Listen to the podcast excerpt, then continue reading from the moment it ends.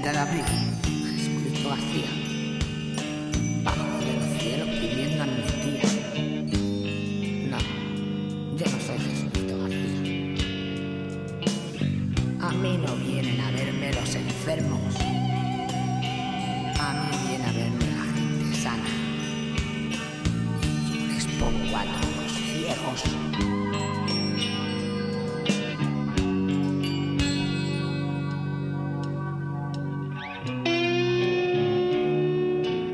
Continuem, seguim a la sintonía de Radio Clara. Seguimos en Lliure Directe, en este espacio que dedicamos a las entrevistas, a vuestra participación y como cada 15 días, como cada dos jueves, a hablar con las compañeras de ACDESA, de la Asociación Ciudadana para la Defensa y la Promoción de la Salud en el País Valenciano. Y tenemos con nosotros, tenemos a, a Eduardo, a Eduardo Zafra.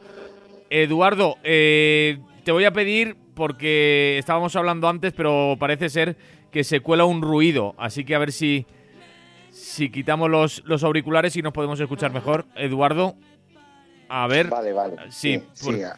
por Ahora que- me oís mejor. ahora, ahora perfecto, porque es lo que te decía. Cuando estábamos hablando por teléfono te escuchaba bien, pero no sé por Sí, qué se colaba ahora un ruido de un ruido de fondo. Eduardo, espacio de, de Agdesa, de la Asociación Ciudadana para la Defensa y la Promoción de, de la Salud aquí en el País Valenciano y, y vamos a ver de, de qué hablamos de qué hablamos hoy porque porque tenemos varios temas que, que tratar. Sí, sí. Podemos, podemos em- empezar, si quieres, por, por el informe de la Federación de Asociaciones en Defensa de la Sanidad Pública. Sí, eh, la Federación ha hecho un informe, ha elaborado un informe sobre el impacto en los presupuestos de, sobre atención primaria, en los presupuestos sanitarios de las comunidades autónomas, y, lo ha publicado, un informe que ha tenido bastante repercusión a nivel de prensa y de radio.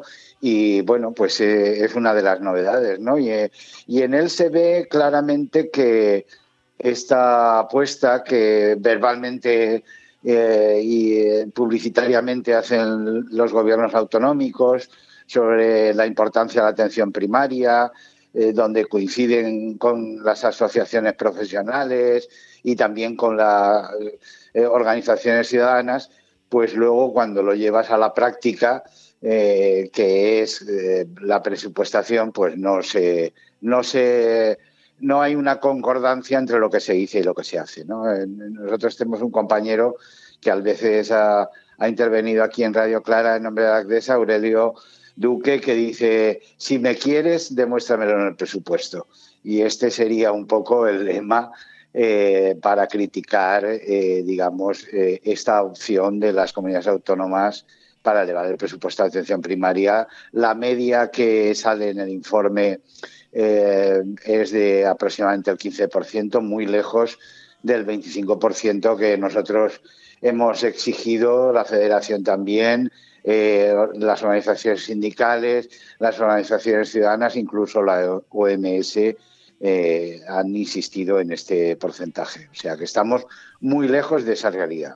Sí, porque lo que, lo que leemos en, lo- en los titulares eh, pues es que, que cinco comunidades autónomas han recortado su presupuesto en atención primaria tras la pandemia. Hablan de, de País Valencia, de Madrid, Navarra, Asturias y, y Aragón, ¿no? Sí, efectivamente, hay una serie de comunidades autónomas que han recortado sus presupuestos. También hay que decir, y el informe lo dice, ¿eh? que el informe tiene limitaciones debido a la falta de transparencia y eh, que, eh, que es un tema con el que peleamos constantemente.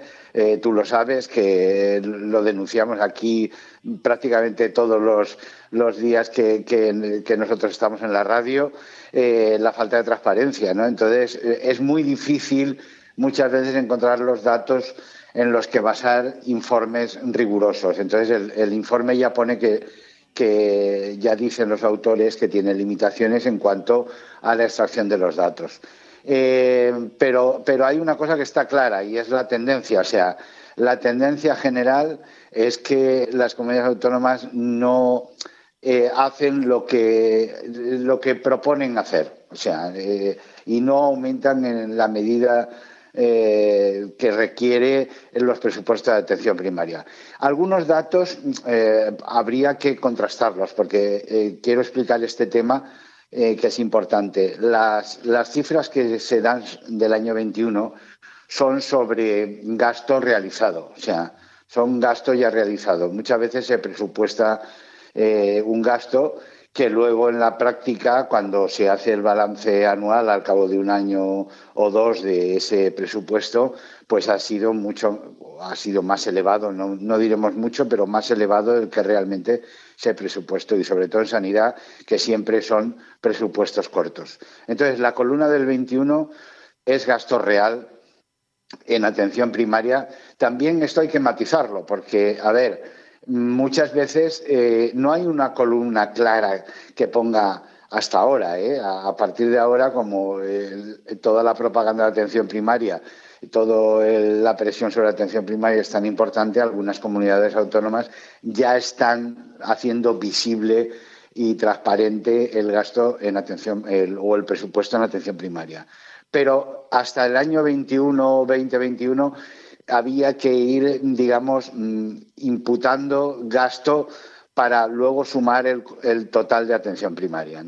Pero bueno, en cualquier caso, la columna del año 21 es una columna sobre gasto realizado, o sea que eso es real, ese porcentaje que pone en esa columna de atención primaria sobre el gasto total sanitario público es real, pero la del 24 es eh, digamos, eh, es, no es gasto, es presupuesto, con lo cual mm, tenemos que ver eh, si luego se va a consolidar eso, va a ser más alto o va a ser más bajo.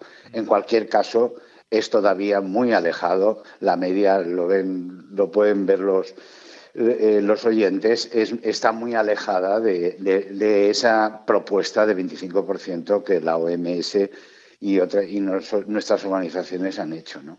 Eh, el dato específico de la comunidad valenciana a mí me llama la atención, probablemente eh, habrá que, eh, no sé si habrá que corregirlo más adelante, no creo que esté desde luego mucho más elevado del, del 14% que, que ponía en la columna del año 21 pero tampoco creo que sea el 9%. Esto, lo que pasa es que, claro, eh, si, eh, está basado en declaraciones de la propia directora general de atención primaria, diciendo que tenía eh, un presupuesto de 800 millones de, de 800 millones de euros para atención primaria. El gasto total, el presupuesto total para sanidad son 8.000 millones, pues es que sale eso, nueve y pico.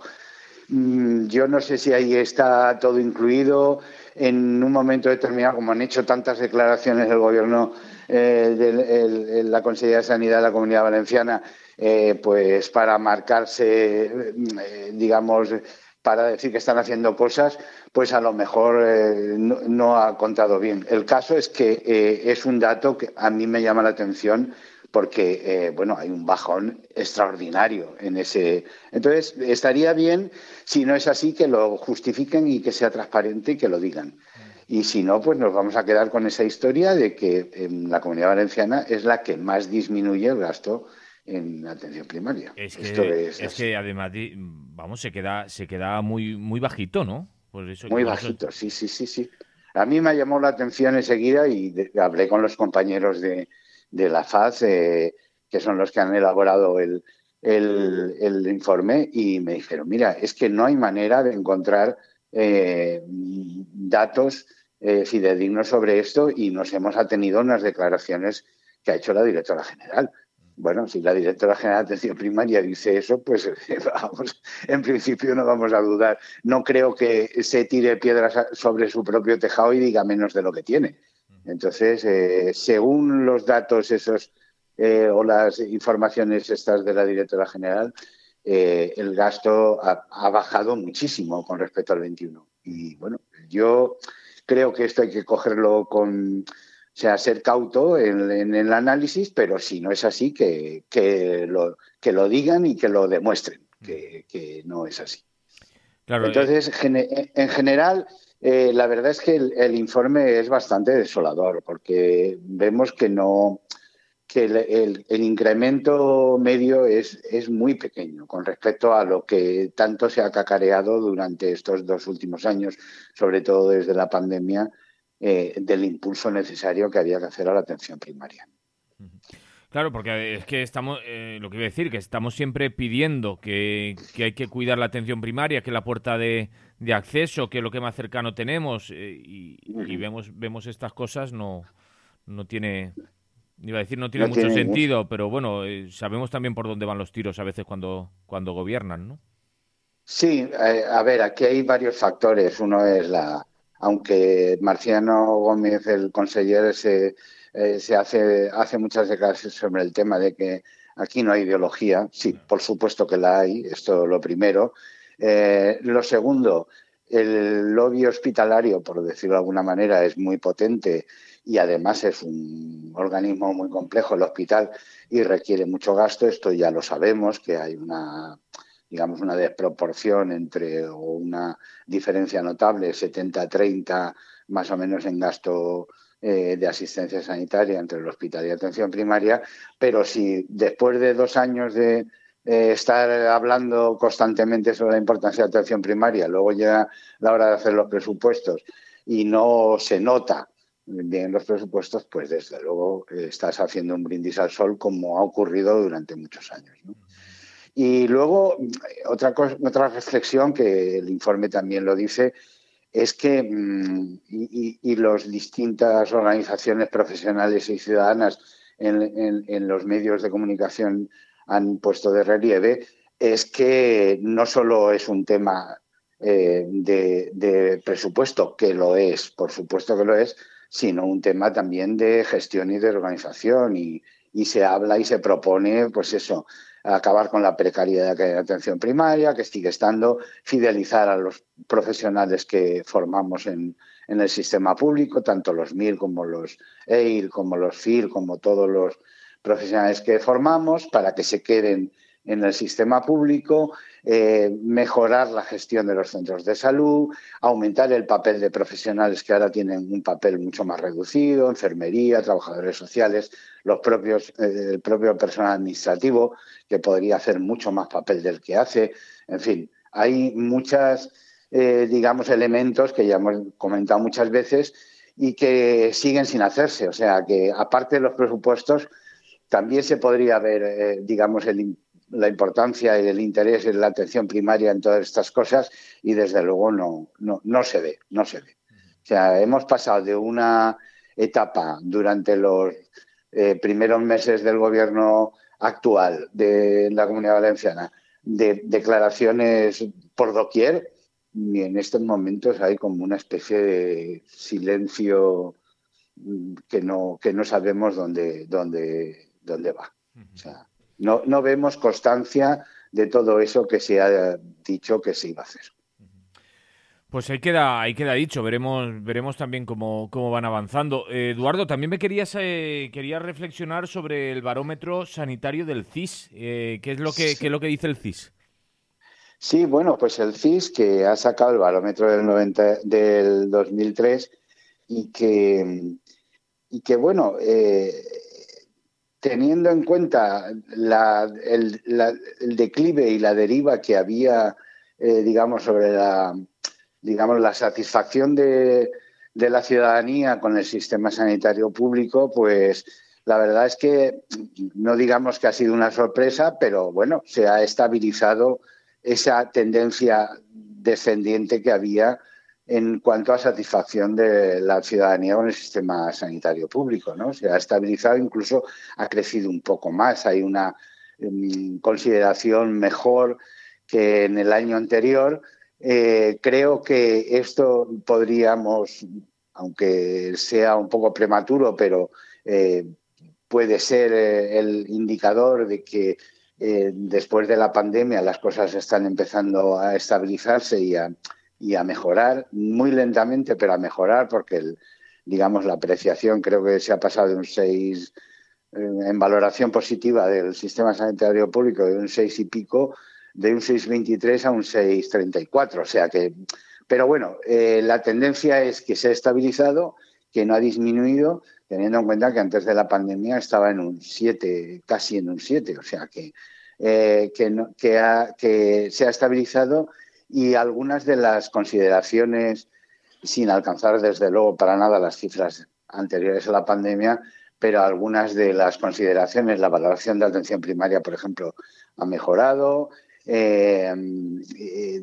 también la consideración de la atención hospitalaria ha mejorado o se ha estabilizado, eh, la urgencia también ha mejorado. O sea, hay muchos indicadores que, nos están hablando de que la ciudadanía, digamos, empieza, a, empieza todavía eh, eh, con lentitud, pero a considerar el sistema sanitario público como un sistema importante y a valorarlo mejor.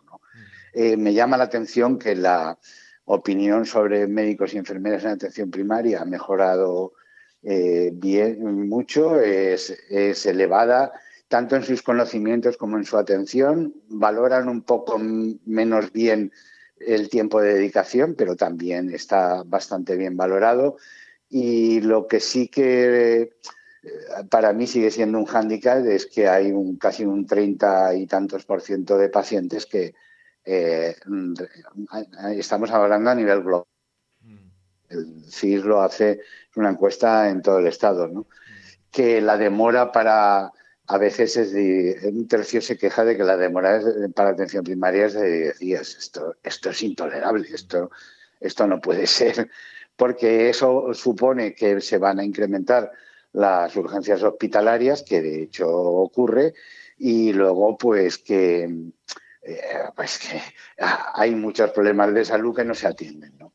Y entonces eh, yo creo que esto es un, tema que hay, por supuesto, que mejorar, que entraría dentro de lo que hemos hablado en primer lugar, la gestión, eh, más papel a otros profesionales, hacer triaje en la, en la primaria, favorecer la accesibilidad de, los pacientes a la atención primaria, que sigue siendo muy, muy deficiente el tema de las llamadas telefónicas, cuántas veces llamamos a los centros de salud y nos desesperamos porque no hay manera de que te cojan el teléfono para establecer, a lo mejor para preguntar simplemente, ¿no? Estas cosas eh, son altamente mejorables. Pero bueno, yo eh, que pensaba, eh, digo, ya verás tú, el, el baremo de este año va a ser bastante negativo, pero bueno, digamos que se ha estabilizado y que lo que hay que hacer por parte de la ciudadanía ahora es exigir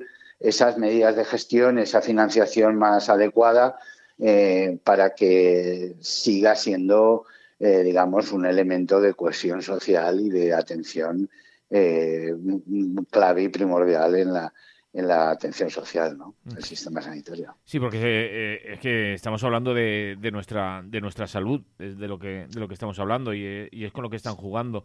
hablabas de mm, de esos eh, profesionales que tienen que, que haber en los en los centros de salud. siempre acabamos hablando también a veces de, de, lo mismo, pero leíamos hoy una, una información que habla de una denuncia que hace el SATSE eh, de un ataque de portavoces médicos al trabajo de, enfermeras de, atención primaria. Siempre estamos también con, lo mismo, ¿eh, Eduardo? Sí, a, ver, mm, eh, los, el colectivos, los colectivos tienen un componente corporativo que, mm. Mm, que es muy complicado y muy difícil de, digamos, de, superar, ¿no? Pero de que, se vea el conjunto, ¿no? De que se vea el conjunto. Sí, efectivamente. O sea, no, no mirar por qué hay de lo mío y mirarse el ombligo, sino ver cómo entre todos podemos eh, mejorar la, la, gestión y la atención a los pacientes, que en definitiva son los pacientes el eje fundamental eh, eh, y el centro del sistema, ¿no? O deberían serlo, ¿no? Al menos. Entonces estamos siempre en la misma historia. Mm, eh, la enfermería eh, quiere más reconocimiento social, económico y profesional. Y a mí me parece muy bien, pero no puede ser a costa de cuestionar, eh, digamos, la estructura de los equipos de atención primaria. Quiero decir que esto, esto no puede ser, ni, ni, ni entrar en esas batallas con, con, los médicos. Y los médicos eh, que, siempre han tenido una posición, digamos, primordial en el sistema sanitario, pues no puede ser que no se dejen, eh, que no dejen o que no compartan muchas de las actividades que en estos momentos perfectamente la, eh, enfermería podría compartir. También digo una cosa, y es que aunque el colectivo como tal de enfermería reivindica todas estas cosas, luego a la hora de la verdad eh, muchas veces no quiere asumir responsabilidades que se le están poniendo encima de la mesa. Entonces, esto requiere una reflexión profunda eh, y, por otra parte, el colectivo médico que tanto habla de, que la enfermería asuma más funciones, no quiere que le cojan más funciones porque eso le haría perder autoridad, con lo cual estamos haciendo realmente ahí hay un juego un poco hipócrita por parte de unos y de otros de ir, eh, eh, pues eso, con una visión muy estrecha, muy corporativa, muy, eh, muy estrecha de, lo que es la atención. Cuando la atención mejore y la que requieren los pacientes es esa visión multidisciplinar. y que podemos compartir y que debemos compartir, no solo los profesionales me refiero, que debemos y con los pacientes también.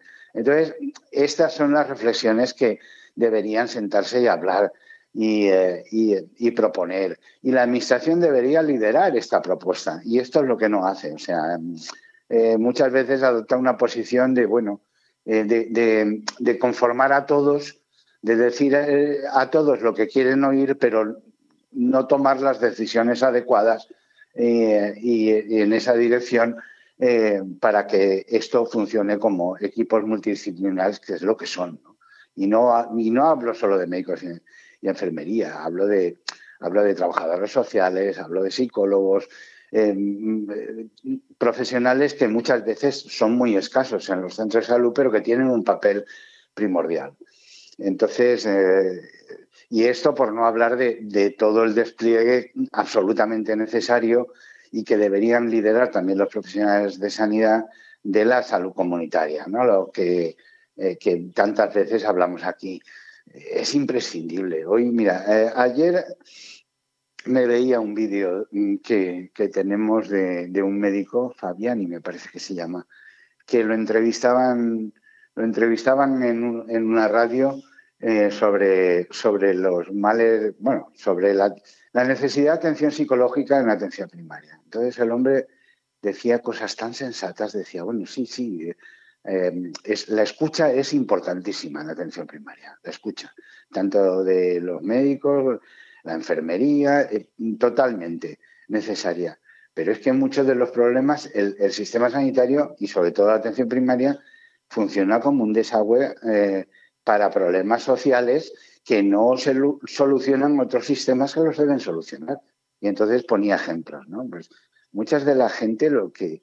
Eh, ¿Cómo le voy a prescribir yo un cambio de trabajo? Si lo que le está agobiando es el trabajo. O le está agobiando una enfermedad de un hijo que, no le resuelven, o que es incurable, o le está eh, em, eh, creando malestar emocional que lo van a desahuciar. Claro, estas cosas muchas veces desembocan en el sistema sanitario. Esto es lo que muchas veces hablamos de las políticas, la salud en todas las políticas. Y esto es lo que es necesario que todo el aparato, digamos, gestor y administrativo se ponga a servicio de la ciudadanía. Y si no se hace así, esa visión holística e integral, pues muchas cosas no se van a poder resolver, incluso incrementando los presupuestos sanitarios hasta el límite infinito. Esto quiero dejarlo bien claro. Eduardo, ¿qué tal la, reunión con la Consellería, esa que, hablamos la, pues en la, anterior vez? Sí, sí, sí, es verdad. Tuvimos la reunión justamente después de la última. Sí, porque o, la, eh, habían cambiado de, fecha y, estuvieron jugando con ella, ¿no? Si no me acuerdo. Sí, sí, estuvieron jugando con ella y al final la tuvimos al día siguiente de la última entrevista nuestra y y bueno, pues fue, fue cordial porque además el director general de, planificación, ahora no me acuerdo del título porque es muy largo, eh, Juan Beltrán, pues es una persona, es un profesional reconocido que ha estado trabajando en la administración primero con el PP, luego con el gobierno del Botanic y otra, ahora otra vez con el PP, ahora es cuando más responsabilidades tiene. Es una persona bien preparada profesionalmente, es jefe, era jefe de servicio, sigue siendo, porque cuando se acabe su, eh, digamos, su etapa como director general volverá allí, eh, mm. de servicio de medicina preventiva del Hospital La Fe, una persona con mucho conocimiento y muy cordial. Quiero Director General de Información Sanitaria, Calidad y Evaluación. Exactamente, este es el título. Es que como lo cambian cada vez los títulos ah, y, generan nuevos muchas veces, pero bueno, eh, muy bien. Lo que, digamos que la, la conclusión que sacamos es un poco la que os he, he comentado al principio, o sea que sí, mm, muchas declaraciones muy bien, pero hay temas que, que avanzan o a un ritmo muy lento o no avanzan, aunque digamos están propuestas, ¿no? Pues le hablan, le preguntamos sobre la atención primaria, que sí que se va a hacer una estrategia. Vamos a ver, yo lo pensaba cuando mientras hablaba con él em, y lo comentamos un poco. A ver, escrito, es que está todo escrito, Dios mío. Si es que llevamos 20 años haciendo. Yo hice un trabajo, pues tres o cuatro años antes de la pandemia, eh, sobre em, las estrategias, planes estratégicos, em, eh, eh, marcos de atención primaria de todo el Estado y había más de 20 documentos. Todos mm, contenían, y nosotros incluso en ACDESA, que hicimos un observatorio de atención primaria, tenemos un documento donde se recogen las, las iniciativas que consideramos, trabajado con profesionales de atención primaria y ciudadanos, donde se recogen las iniciativas y está, está todo escrito, es que está todo escrito. Si lo que hay que hacer es coger cualquiera de ellos y ponernos a trabajar y dar plazos y poner dinero para que eso vaya adelante.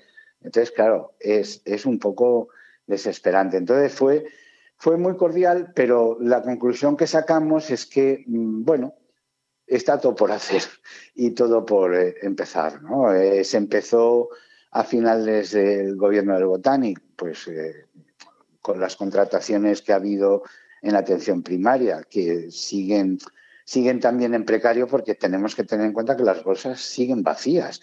Y este es un elemento clave. Lo de, eh, lo de retener a la gente que formamos, retener una vez acaba su periodo de formación, MIR, EIR o el que sea, retener a la gente que formamos es absolutamente imprescindible y para ello hay que desarrollar políticas, ofrecerles cosas concretas, pues contratos, eh, digamos, no, precarios, sino eh, más o menos fijos, garantizarles, eh, digamos, una continuidad asistencial, en fin, todas estas cuestiones. Él nos dijo que sí, que esto estaba en marcha y que se iba a hacer, las plazas de difícil cobertura, toda esa cuestión, pero eh, nosotros, la ciudadanía, lo que quiere es verlo, verlo y, notarlo. O sea, y esto es lo que nos parece que todavía está muy en precario. Igual con la salud mental, también hablamos del tema de salud mental, eh, hablamos del, tema de, y estamos en las mismas, quiero decir que sí, que hay un proyecto. También otra vez hacer un plan de salud mental, por favor, si tenemos recién presentada a finales del gobierno anterior una estrategia de salud mental. Me van a decir que no vale nada de lo que han hecho los anteriores, que no me lo creo, no se lo cree nadie.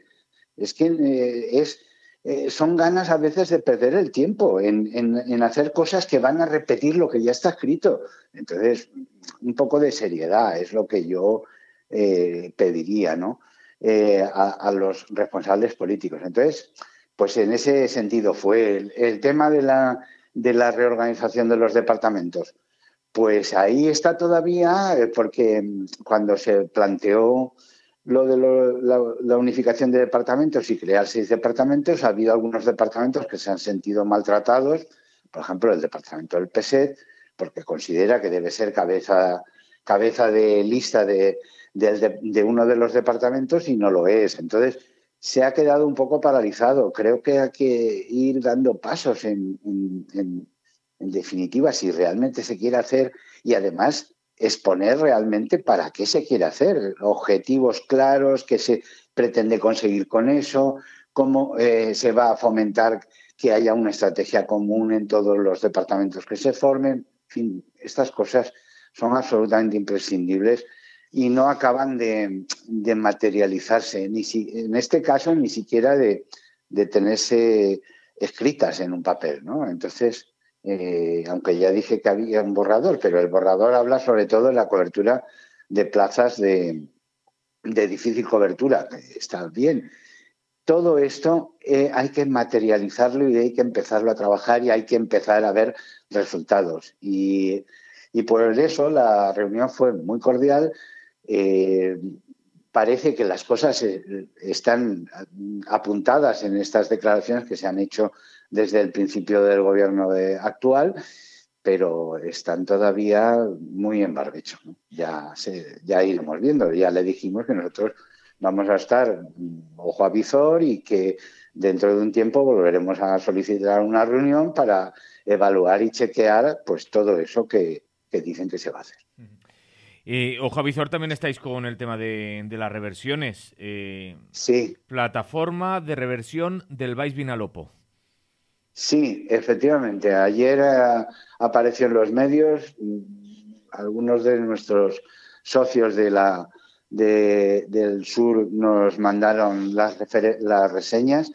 se ha creado, ya saben los oyentes, ya veis que que, de la, que se van a revertir todo el modelo Alcira que había hasta ahora, excepto el del Vice Vinalopo, que se tomará la decisión, en principio parece ser, por las declaraciones del conseller, que no se iba a revertir, pero que se, en cualquier caso la decisión se iba a tomar en, en mayo, ¿no? porque es el que más tarde se acaba el contrato, etcétera, etcétera. Entonces, ayer o anteayer se pusieron de acuerdo las organizaciones ciudadanas, sindicales, algunos partidos políticos eh, de, la zona de Elche y de varios pueblos de alrededor que, tienen como hospital de referencia o como departamento de referencia el del País Vinalopó para exigir la reversión en las mismas condiciones que se han producido las demás reversiones y a mí me parece una buena noticia que se haga. Yo creo que eh, la propia decisión de la Consellería para revertir lo que, lo que el botánico había empezado a revertir eh, me parece que demuestra bien a las claras y que indica bien a las claras que el modelo, eh, el modelo Alcira está superado y por lo tanto yo creo que no tiene mucho sentido eh, seguir con un modelo que, está en este caso obsoleto. Muy bien, Eduardo, se nos, se nos está acabando el tiempo, que, no se nos quede nada por decir y por, y por contar. Pues eh, nada, había, eh, bueno, felicitar a los compañeros y compañeras del Vice Vinalopó que, que han puesto en marcha esta plataforma, que desde Valencia, desde la plataforma eh, de Defensa de la Sanidad Pública del País Valenciano les vamos a apoyar. Contaremos con ellos a partir de ahora en las reuniones eh, por Zoom y presenciales que tengamos y eh, bueno, animarles a que y apoyarles en todas sus reivindicaciones. ¿no? Esto yo creo que, que tiene que quedar claro. Y luego hay una serie de cosas que ya hablaremos en otro momento, porque el otro día hubo una, una, un encuentro eh, promovido por Capsalera, que es una organización de, mm, de médicos y enfermería, creo, de atención primaria, eh, sobre mm, iniciativas de salud comunitaria, que estuvo interesante. Son pequeñas muestras de que, de que mm, esa alianza entre la comunidad eh, de la comunidad entre profesionales y, ciudadanía, pues eh, muchas veces da resultados y mejora la salud global, pues ya hablaremos en otro momento, y, bueno, pues eh, avanzar en esas, en esas cuestiones, ¿no? Animar a la gente a que, a que exija. Ah, le preguntamos, por cierto, sí, no me quería dejar el tema en el tintero de los consejos de salud ah, de zona básica. Y eh, bueno, leí unas declaraciones anteayer o eh, después de esa reunión, no de él como responsable, sino de responsables de atención primaria de la Consellería, eh, diciendo que para antes de abril o mayo tienen que estar constituidos los consejos de salud zona básica, lo cual me parece formidable. Pues Entonces, que, que sea verdad y animar a la ciudadanía, a las organizaciones ciudadanas y a los activistas sanitarios ciudadanos a que, a que presionen y a que conformen y a que apoyen este, este tipo de, de, iniciativas, los, los, consejos de salud de zona básica, que participen y que vayamos avanzando en la salud comunitaria, que es tan importante. Pues eso sería un poco el final. Pues ahí, ahí queda y seguro que dentro de dos jueves volvemos a charlar porque temas no, no faltan. Eduardo. No faltan. Como siempre, muchas gracias por estar aquí con, nosotros en, en Giure Directe. Un abrazo. Gracias a vosotros, un abrazo. Salud. Giure Directe Radio Clara, charlábamos, hablábamos con Eduardo Zafra mm, desde Agdesa, desde la Asociación Ciudadana para la Defensa y la Promoción de la Salud aquí en el País Valenciano. Continuem al Giure Directe, continuem a Radio Clara.